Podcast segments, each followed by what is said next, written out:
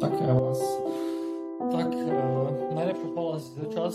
Zdaj, tako smo se že živo pogovarjali. Uh, sem res hvaležen, da, da si sedel čas. Tako da bi te najprej prosil, če mogoče malo poveš o svojih začetkih, kariernih, podjetniških, pa mogoče še malo predtem, mogoče že iz, iz časov faksa, kako se je vse skupaj začelo, kako si prišel v te podjetniške vode, si bil mogoče zmeraj podjetniški tip človeka ali čisto ključno. Ja, ja uh, nekje z, z neko obliko podjetništva se začel ukvarjati že v, mislim, v drugi letni gimnazije, kot posledica enega spora z očetom, ali pa trma moja takrat. A, takrat sem začel malo obračati tudi malo, malo ven in neki prvi stiki z podjetništvom so bili takrat na tenih centru, a, kjer sem potem delal, mislim, da kar naslednjih 6, 7, 8 let. Uh, pa spoznal tam ogromno nekih ljudi, uh, ogromno nekih izkušenj pridobil, ali pa drugače, ogromno nekega znanja uh, na podlagi izkušenj, ki jih je nekdo drug, seveda, pridobil, ker smo se dosti pogovarjali. Uh, pa je eno z drugim pač vodilo naprej. Uh, uh, kar se ena zanimiva zgodba je bila takrat, ker sem nekaj, nekaj skupini imel edine izkušnje takrat iz um, vodenja gostinskega dela. Uh, sem bil tudi takrat nekako predlagan, določen, kako koli temu reči, za vodenje konkište, ker takrat pač v naši skupini nismo imeli nekoga z izkušnjami gostinstva, razen nekaj mojih. Uh, in tako sem potem tudi pet let vodil konkište na Ptuju kjer sem skrbel za se pravi, čisto ta gostinski del, za ekipo, ki je delala noter eh, in predvsem tudi za izvedbo različnih projektov, ki so se dogajali noter. Moj del je bil, so bili predvsem koncerti in eh, neki drugi eh, dogodki. Zaradi tega sem potem, rečemo temu, se kalil tudi v klub tujskih študentov, kjer smo izvali en kup nekih projektov, se pravi, v smislu vem, bazenov energije, kurentanca, raznih festivalov, kjer se je pričakovalo tudi po nekaj tisoč ljudi. In to, to je bila zelo, zelo dobra šola a, za potem za kasnejše življenje. Se pravi, kako se sploh lotiti nekega projekta, načrtovanja, izvedbe, kako pripraviti neki finančni plan in seveda potem tudi to realizirati kako konc koncev potem na, se nekaj naučiti izvedenega projekta, nastaviti smernice za naslednji projekt, kako voditi ekipo, kako biti del ekipe.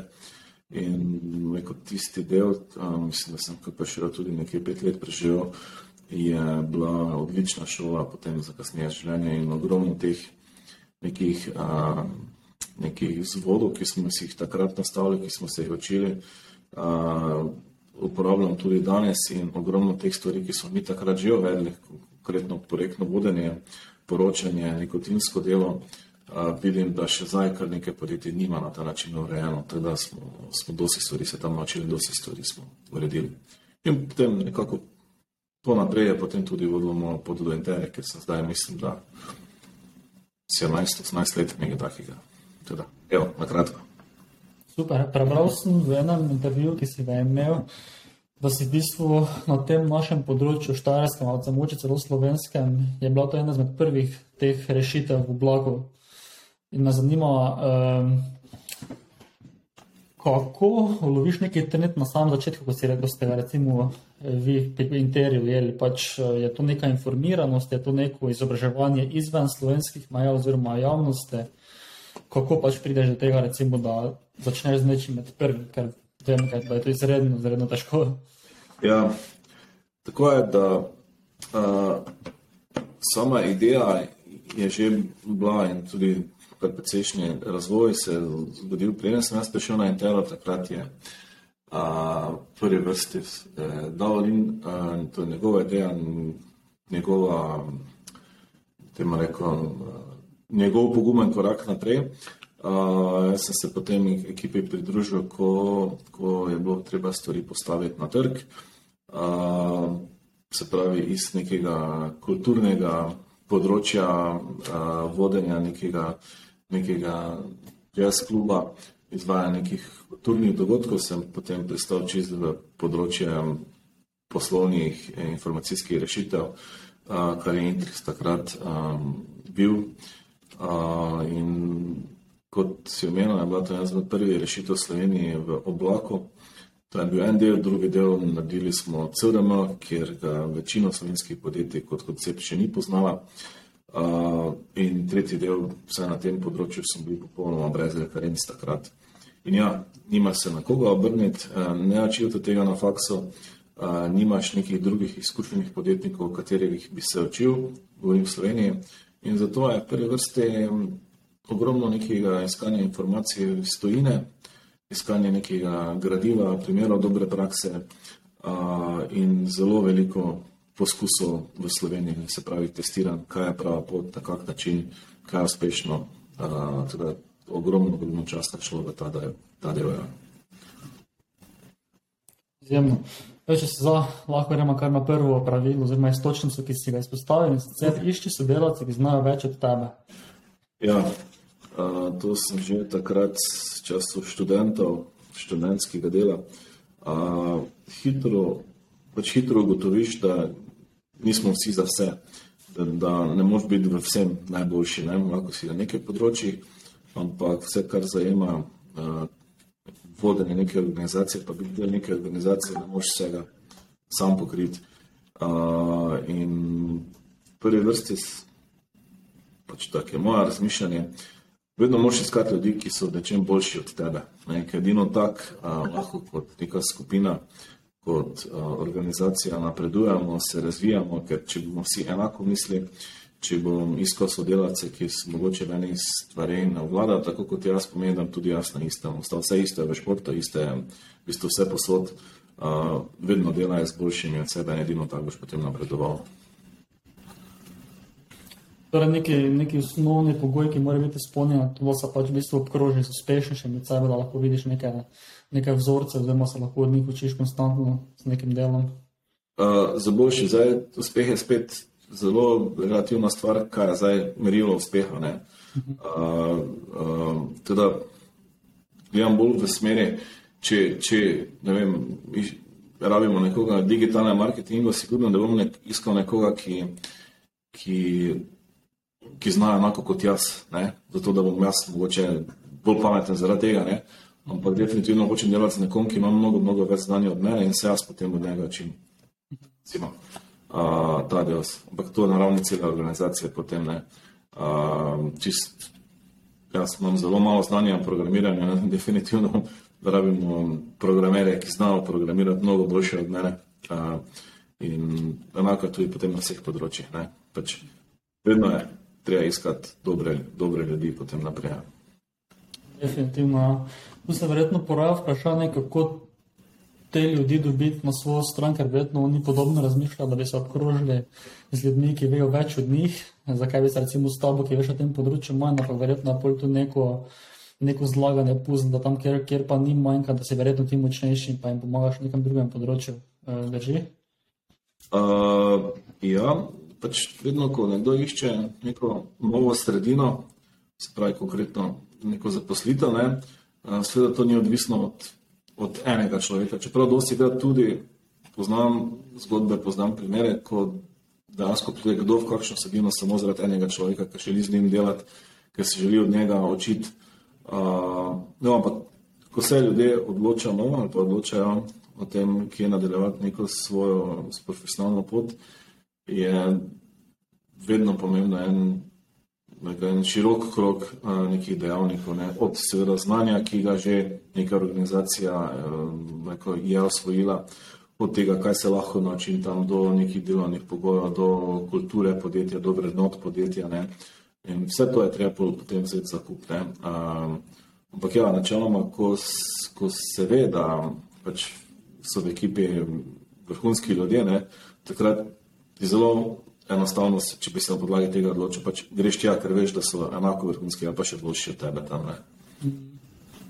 Definitivno. In tera kot delovno okolje sem že slišal, pa tudi zdi se mi tako, da je izjemno, izjemno povezano. Vsi ste izjemno povezani, pa me zanima z tvojega vidika, te izkušnje vodenja oziroma dela z ljudmi je izjemno pomembno, verjetno v tem podjetniškem svetu. Se je naučil tudi prej v študentskih letih, kjer si sodeloval pri razno raznih organizacijah. Pa me zanima, kaj je tvoj ključ do tega, da združiš ekipo do te mere, da uspešno sodelujejo oziroma uspešno delajo en z drugim. Uh, kot vemo, ja. smo ljudje izjemno komplicirani, pa je to eno izmed težjih del. Ja, v bistvu, veš, kak je. Ja. Vedno je treba se odkrito pogovarjati. Ne? ne samo, ko nekaj dobrega naredimo, ampak tudi takrat, ko mogoče kakšna stvar ni ok, ne? Uh, se treba o tem pogovoriti, uh, iskati rešitve. Ja, Seveda, to so neke, neke zelo dolgo, pogosto slišene neke stavke besede, ampak v praksi to dejansko drži. Ne? Dokaj je odkrita komunikacija, dokaj se pogovarjamo o vsem, a, takrat se da ogromno stvari rešiti. In dobrih, in tudi mogoče malo manj dobrih. Ne? To je tisti prvi, prvi del. A, drugi del je pomembno določenje cilja. Ne? A, se pravi, pomembno je, da cela ekipa ve, ali pa drugače. Pomembno je, da ekipa sodeluje pri določenju nekih ciljev, s katerimi se strinja, s katerimi se poistoveti, kjer verjame, da se lahko dosežejo. Uh, moja naloga pa je potem, da te cilje spremljamo, da upozorim, kdaj smo, pa mogoče kdaj nismo, če so dosegli, in potem skupaj spet ugotovimo, zakaj so to razlogi, ne, ali pa kaj se da spremeniti, kaj lahko še stvari izboljšamo. Uh, teda, spet prijemo do komunikacije. Uh, tretji del pa je seveda, uh, pač vedno je treba imeti v, v mislih tudi nek razvoj ali pa želje posameznikov, ne eno so pač naši skupni cilji, ampak kot posamezniki pa lahko imamo pač neke svoje cilje, ne, ali je to, ne vem, uh, ne vem nek poseben razvoj ali pa razvoj normalno v tem prof, profesionalnem delu, ali je mogoče cilj, da ne, ne, nekomu dovolj, da ima pač službo in potem želi več prostega časa, ne, da ga preživi s familijo. A, ali ne, ima nekdo cilj potovanja, ki je mogoče službo omogoča in spravi. Vedno je treba vzeti tudi cilje in želje posameznikov in seveda, koliko je to v skladu z nekimi vrednotami in cilje podjetja, greš naproti, da te stvari poskušaš uresničiti oziroma pomagati a, svojim sodelavcem. Se pa strinjaš, verjetno s tem, da delo z ljudmi je med težjih upravil, ki jih mora nek lider. Ja, delo z ljudmi je zelo zapleteno in uh, tukaj recimo en taki čist moja izkušnja iz gostinstva se tega dela da zelo, zelo, zelo dobro naučiti. Uh, mhm. Gostinstvo vsakemu direktorju, vsakemu vodje ekipe predlagal naj gre za kakšne pol leta delati čist v lokal, ker so zelo različni ljudje, zelo različni karakteri tudi v različnih psihofizičnih stanjih uh, in tam se res naučiš, kako delati z ljudmi, na kak način. Uh, in to bi to bilo priporočil vsem. Ja. Mhm. No. Poišči mentore ljudi, ki so že prehodili pot, na kateri si pravil dva. Ja, uh, včasih se mi zdi, da smo ljudje preveč pripričani v to, da bomo sami vse informacije poiskali, sami poiskali vse neke rešitve in potem porabljamo mnogo več časa, uh, kot bi sicer ne. In kar sem se jaz zgodaj naučil, je to, da verjetno je kdo že bil na tej poti, kjer sem jaz, verjetno je kdo že bil, recimo pri nekem izzivu, kjer sem jaz zdaj mogoče soočam. Včasih je mnogo boljše poiskati nekoga, ki je dal že to skozi in ti on deli neko izkušnjo, ti on pove, In, in pač velja ne tisto pravilo, ne raje se uči na napakah drugih, ne, ne na svojih. In um, vsaj moja izkušnja je ta, da no, praktično kogarkoli sem se obrnil, kar se tiče podjetništva, uh, so vedno bili ljudje pripravljeni pomagati, deliti svojo izkušnjo, povedati, kje so delali napake, povedati, kaj so naredili dobro. Uh, in tukaj res sem isto svetoval poišči, poišči osebe, ki ti znajo pomagati, jih kontaktiraš. V najslabšem primeru ti bo nekdo rekel ne, ali pa ne boš dobil odgovora. Um, ampak mislim, da večinoma vse Slovenija ta kultura izjemno, izjemno na visokem nivoju. Uh, podjetniki radi pomagajo, uh, nekomu, ki izkaže interes, nekdo, nekomu, ki se trudi, seveda, da prepoznava potencial, potem radi pomaga skozi različne mentorske programe, skozi izobraževanje, a pa konec koncev tudi direkt. Um, ne malo konferenc je bilo, ker, ker sem vedel, s kom hočem priti stik, kaj ga hočem vprašati, na kak način so stvari reševali. In skoraj povsod je bil odziv pač pozitiven. Ne, in pač očiščajo drugih, ne, to je ful, ful, ful pomembno. Seveda moraš svojo glavo razmišljati, pa nekako tudi videti, mogoče ni vedno vse dobro, kaj ti kdo svetuje, ne, ampak a, dosti stvari je pa takih, ne, da, da ti prihrani neki čas, denar, energijo, da pač ne greš po neki isti poti, ker veš, da je že nekdo neko napako naredil. Ne. Definitivno. Zato si ful dobro se to, se to povedal v intervjuju za Gea College, ki si ga imel da v bistvu vedno, ko si iskal pomoč, si v bistvu tudi dobil, ja. pa ni bilo nekih negativnih, negativnih eh, odzivov. Ja, to je kjerkoli še recimo en primer tega mentorskega programa, ne, a, kjer, kjer se pa, pač se identificirajo posameznice, posamezniki, ki vložijo nekaj več napora v to podjetniško neko izobraževanje, podjetniški razvoj in potem se tudi mentori mnogo bolj prej in dosti bolj angažiramo v take zgodbe. Ne, pač nekaj, nekaj stvari so se zgodile v preteklosti in, jaz, in tudi radi se potem, radi delimo stvari naprej, a pa delijo tudi meni, še vedno. Teda. Si imel v vseh obdobjih eh, karierne poti oziroma življenja nekaj mentorje, si se izmeraj poiskal ali si bil samo za nekaj določene, določene uvire, ki so se recimo pojavile, poiskal v tem smislu? Bo bolj, bolj specifično, se pravi, ne vem, če se neko, da gremo zdaj na, na tuji trg, se poskuša najti nekoga, ki je že na tem trgu, ali pa ki se že tega loto, da pove pluse, minuse, nevarnosti, ki so, uh, recimo na ta način, uh, se pravi, ko spet prijemo do nekih ciljev, se pravi, kaj želiš, kaj je tisto področje, kje je fokus, in takrat poiščeš najboljšega, najboljše možnega mentora na, na tem delu. Uh, v mojem primeru konkretno tudi tako, da, da smo z Davorinom tukaj partnerja in ogromno stvari se tudi od njega naučil, ogromno mednarodnih izkušenj ima, tako da ne, dosti se še zdaj učim od, od sodelavcev, ki so na nekih drugih področjih, normalno, stvari, ki jaz, jaz ne poznam, a, se učimo drug od drugega. Teda, ja, ni, ni v smislu, da bi zdaj imel mentorja, človeka, ki te skozi neko podjetniško pot več čas spremlja na ta način, ampak bolj neka specifična znanja, ki jih iščeš pri nekom, ne, to so pa lahko zelo različne. Glede sploh ni nujno z tvoje branže, lahko čisto posebno druge branže, ampak neki koncepti se precej ponavljajo. Mislim, da ste potem informirali o nekih odločitvah, ki se jih kasneje moral sprejeti, da se čim več informacij dobim se lahko potem od podlage tega ja. Uh, Tako čist, uh, čist uspod bi te vprašal, kaj je bila najtežja stvar, ki si se moral priučiti, ko si prišel na to podjetniško pot, malo kasneje v življenju? Uh, tu je mogoče dve, dve izpostavljamo. Ena je to, da, da se naučiš reči ne. ne se pravi, ko si na začetku, ko začneš delati, uh, ko se začneš iti prodajati in ko si seveda si pod nekim pritiskom uspešnega zaključka prodaje in posledično potem nekega inkoma, ki zaradi posledice tega nastane, a, mnogokrat pristaneš na kaj, kar sicer ne bi. Ne, se pravi, no, sogovorniku obljubiš kaj, če se še mogoče nimaš na tega. Sogovorniku obljubiš kakšen narok, ki veš, da bo hudo težko doseči vse s namenom, da pridobiš posel, daš popust, pa veš mogoče, da bo zelo minimalni zaslužek pri tem. Ne? Te stvari se pač treba jih naučiti, jih treba izkusiti in potem vedeti, da pač rečeš ne. Niso vsi projekti najboljši ne, za tebe, za partnerja, za, za ekipo. Marsikeri projekt zna, zna uh, mnogo več stati, kot pa si ti zaslužil s tem projektom. Teda, To je en del.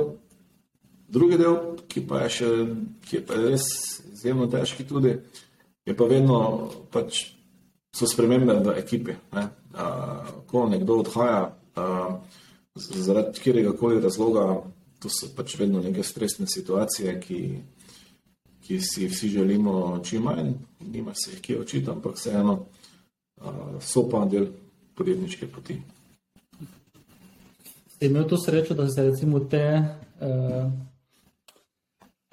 da ste to naučil na lahek način oziroma na dokaj normalen ponarekovaj, ali je bila izkušnja mogoče teže oziroma neprijetna? Zdaj, sreča, sreča je tudi zelo zanimiv pojem. Uh, Zdaj bi tako rekel, bolj, bolj na pravi način se pravi, smislu, da mi ni za nazaj ničov, če je to mogoče pravi odgovor. uh, da, um, ja, marsikera marsi odločitev pripomore k temu, da so noči mnogo krajše in dnevi bolj napeti, ampak to je, to je pač del je naši, našega dela. No? Um, to je tisti del, no, ko se pač glede na gora, ne, vse ta, ta prispodoba se da marsikje uh, porabiti. Uh, pač, vse tudi, uh, ne vem, intero, ko se vidi, ja, imamo žur, imamo se fajn, imamo piknike, pa vse ne, ampak tukaj je ogromno nekega dela, zadaj je ogromno nekih um, in neprespanih dnevov, noči, debat, neprespanih noči in napetih dnevov uh, ogromno debat, uh, različnih, uh, ogromno tveganj. Vse to recimo, je pač del podjetništva, uh, spolni paci, težke odločitve, tudi napačne odločitve. Uh, ampak ja, pač treba to vzeti kot, kot del posla, kot del življenja, poskuša se uh, prilagoditi temu, da čim več teh um, temu, izzivov uh, predvidiš in iščeš tudi rešitve. Ne? Vse, isto kot šah, jadrne, kot kjerkoli drugi šport. Ne? Um, ne, tudi Luka Dončić, ko dela vse te podaje, je to izjemno malo improvizacije, ampak to je tisoče in tisoče in tisoče ponovitev, da potem tisti stebek naredi tako, da naredimo. To je isto podjetništvo, ne predvidiš situacije, se poskušaš praviti na njih in to je to. Koliko se pač v danem trenutku da pripraviti? Na to, kar sledi. Zaupaj v svoje odločitve, glede na trenutek. Ja, to je precej v tej smeri, kot sem pred par trenutki odgovoril. Ne, si pred neko odločitvijo. Ja, zdaj, kaj lahko narediš, je to, da zbereš čim več informacij, poiščeš čim več nekih poti, a, iščeš izkušnje drugih, ampak še vedno se potem ti odločiš. Ne. In zdaj, ta odločitev se lahko čez čas izkaže kot, kot dobra, lahko pa se izkaže kot slaba.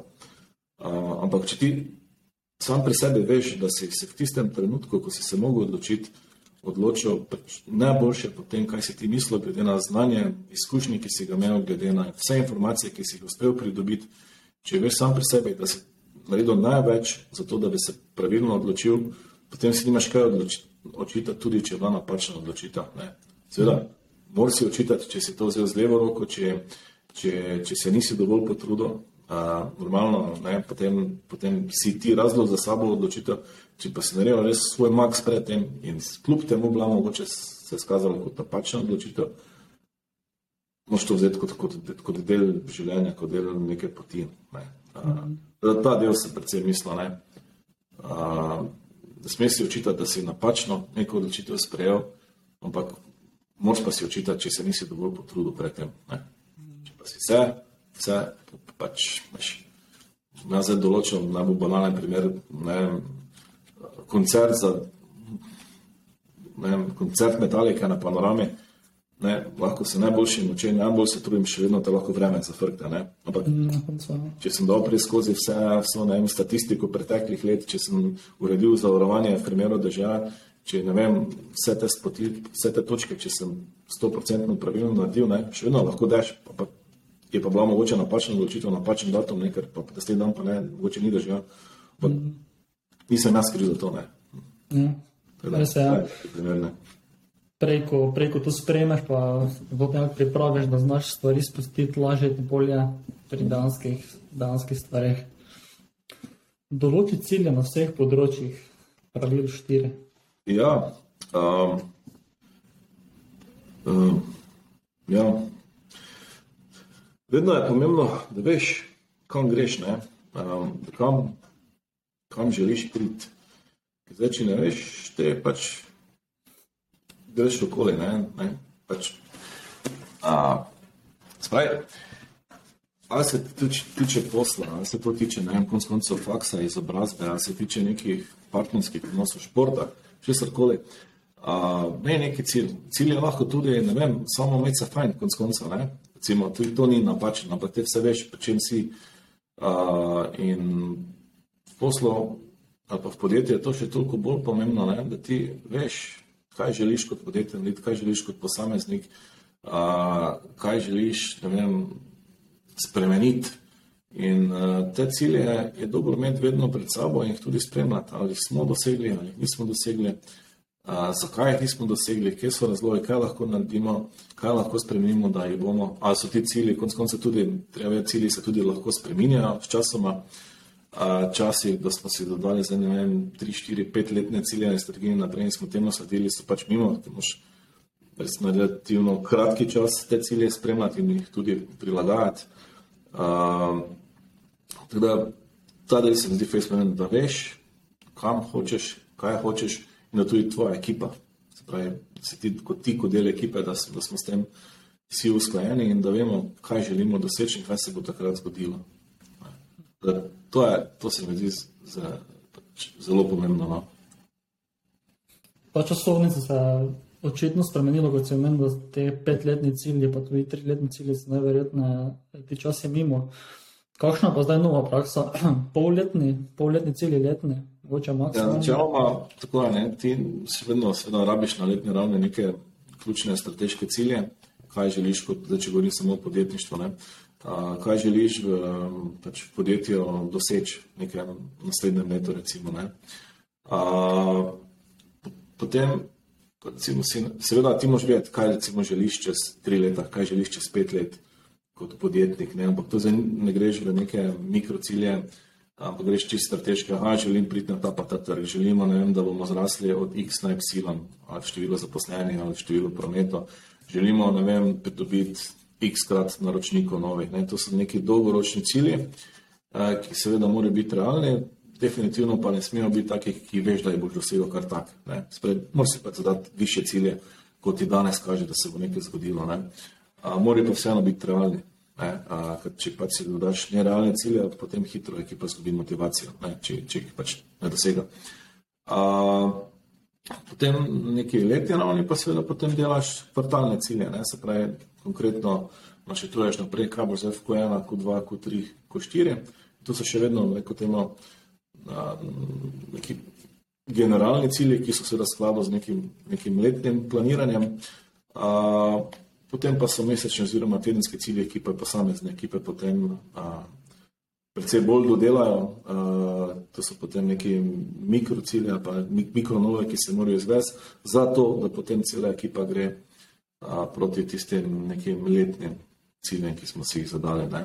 Recimo, če, zdaj, če, če si zadamo cilj, da bomo najmo ustvarili x prometa, ok, kaj pa zdaj moramo v Q1 narediti, da bomo na koncu leta, do konca Q4 imeli toliko pa toliko prometa.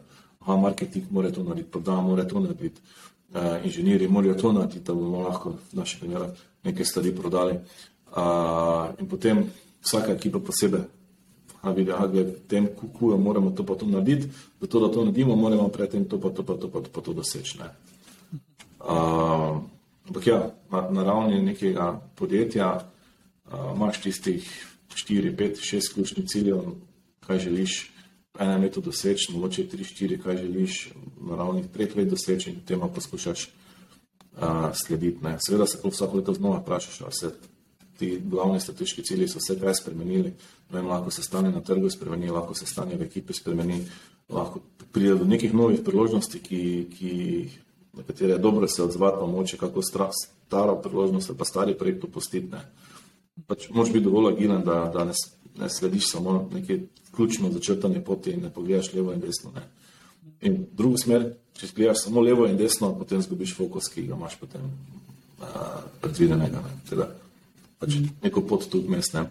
Uh, to je zelo prispodoba, dobra prispodoba recimo z, z jadranjem. uh, jadrati proti vetru ne moreš, ne? ampak še vedno lahko ti priješ do, do točke A do B, če tudi je ta točka B direkt v smeri vetra.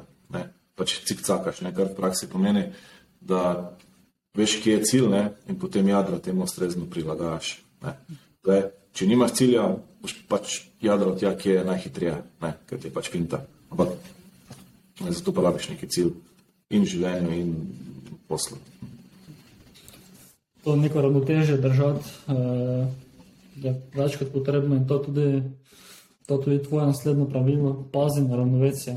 Da pa bodi si družina, prijatelji, delo zdravje, Ja. ali šport ali kje drugje. Uh, ja, ful je pomembno se mi zdi, da sam pri sebi veš, kje, kje končno imaš tudi neke meje, uh, ker so tvoje osebne želje, ker so tvoje osebna pričakovanja in da tu najdeš neko razmerje. Se pravi, to se seveda z leti spreminja, s fiziko se to spreminja. Uh, zdaj, pač, ko, ko recimo temu oseba nima družine, seveda lahko več časa nameni ali to službi, razvoju, hobijem, prijateljem, športu, kakorkoli. No, Hoče biti, življenje se prioritete spreminjajo in pač kot posameznik, kot del neke ekipe, moš paziti, da imaš vse te svoje, svoje pričakovanja, svoje potrebe pokrite. Ne, ekipi ne koristiš, če zdaj delaš vem, 15 ur na dan, mesec dni, pol pa pregoriš, pol pa spoliš, pa te naslednjih pol leta ni. Ne. In obratno, ekipe ne koristiš, ne vem, če dam minimalno od sebe, ne, pa potem ne vem, igram košarko 16 ur na dan, ne, spet. Ne, pač, a, treba najti to ravnovesje, ne, se pravi, nek, nek, nek, nek posel, prijatelji, slaž družina, zdravje, hobi in, uh, in to se mi zdi, se z leti potem tudi naučiš. No. Ampak več časa to moraš opozarjati, ne. Vedno bolj, uh, ne, ne, da se vstaneš, da, da ne piješ dovolj vode, take banalne stvari, zdaj govorim, ampak so zelo pomembne pri vsakodnevnem delu, da narediš neke razgibalne vaje, da skrbiš za svoje telo, da skrbiš za vem, bližnje, družina, prijatelji, um, pa da imaš tudi seveda nek, nek, nek del, da nek del sprostitve, ali je to šport, ali je to konc konca tudi iti bolje na pivo. No. Ravnovesje v življenju ni zdaj samo ena špura, ki jo moraš stikno slediti, a seveda se pa te področja spreminjajo glede na to, uh, kje smo, koliko smo stari, ker smo na začetku podjetniške poti, smo nekje že uveljavljeno podjetje, ali smo ne vem, bruc na faksu, ali smo že absolvent, pač glede na to, kje, kje se nahajaš trenutno. Kako gledaš na to žrtvovanje določenih področji, ravno na to časovno, uh, ta čas, v katerem si, oziroma v, kateri, v katerem stadiju si, recimo, na začetku podjetniške kariere, si že uveljavljeno. Menim, da eno področje definitivno trpi, če daješ drugemu področju toliko več energije, ker Ja. hočeš nekaj spostaviti, kakorkoli. Zdaj- Kaj si misliš o tem? Mogoče, jaz malo drugače rekel, ne žrtvovanje, pa ne da trpi. Ne? Uh, to ni nujno, da je slabo. Ne? Uh, uh, ti kot posameznik več časa in energije nameniš tistemu, kaj ti je všeč, ne? kaj ti je očitno bolj všeč, ne? uh, če na bolj uživaš. Ne? In tako da zdaj težko rečem, zaradi tega pa zdaj nekaj žrtvujem. Ne? Ne, pač več časa namenim temu, kar mi je bliže. Ne? No, tak je res primer. Uh, uh, preden sem dobil prvega otroka, ni bilo nič časa, polnoma nič prostega časa, skoraj da, oziroma ja, ni bilo časa, od jutra do večera je bil urnik poln z, z, z, z ličnimi aktivnostmi. Uh, ko je prišel prvi otrok, je se normalno se dosti časa temu posveti, ne? Uh, in še vedno nič ni časa, da ostane ti ni časa, ne? ampak nič pa nisem pogrešal. Se pravi, ko sem se čez pol leta vprašal, čakaj zdaj, toliko pa toliko ur zdaj več doma preživim, ne? kaj, kaj sem zdaj zgubil, ne? kaj sem prej počel, dokler nisem bil doma, uh, pa se nisem nič takega spomnil. Ne? Se pravi, koliko nekega balasta je prej bilo mogoče v življenju, pa koliko manj pomembnih stvari je prej bilo mogoče v življenju, ne, kot, pa, kot pa je danes. Ne. Pa, pa Zato pravim, ne, ne čutim tega, da sem kaj mogel žrtvovati. Enostavno delaš druge stvari, ki te bolj, bolj polnijo, ki ti dajo več energije, ki, zaradi katerih si bolj vesel. Ne. To je v bistvu ta logika. Ne. Zdaj, mm, ne. Če, če, če ne vem, rad berem knjige, ne, pa se potem odločim, da bom ne vem, zdaj več športov. ne. Zdaj se pač odločim, kaj za rajši delam. Rajši knjige berem, rajši športam, ne, ta čas, ne, še vedno imam x ur na razpolago. Ne. Ampak zato, ker imam zdaj več športov, če to rad, rajši delam, kot berem knjige, bom mogoče bolj srečen. ne. Mislim, je da ne, veš, ta logika. Ne. Mm. V bistvu čist, mislim, v bistvu si čist drugi pogled predstavi, ki ga smiselno medeti oziroma pametno. Da ne gledaš na to kot neko žrtvovanje nekih drugih področij, ampak da v bistvu delaš to, kar ti je v tistem trenutku boljše, pa se zaradi tega boljše počutiš. Še ampak spet priješ ne, do, do ciljev, pa prioritet v življenju. Ne. Kaj pač hočeš, ne. Češ, še vedno ima dan 24 ur, zdaj pa kaj boš ta čas izkoristil. ne. Tako da, bo, da, bo, da se živelo počutil, ne. Uh, karkoli to pomeni. Ne. Ja, čisto tebi je, pa je odvisno od tega, koliko se poznaš, koliko ti nekaj stvari odgovarjajo, pa koliko temu slediš, da ne greš proti sebi.